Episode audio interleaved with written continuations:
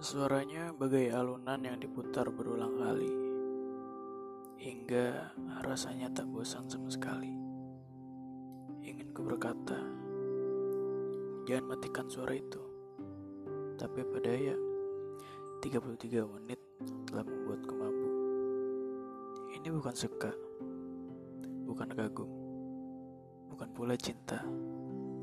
Tapi kenapa wajah ini merah merona? Suaranya bagai senja yang membuat tentram mata memandang. Sayangnya, 33 menit terasa seperti kereta listrik. Cepat tapi nyaman. Rasanya otak ini telah diisi oleh suaranya. Tapi kenapa senyum ini terus memancar?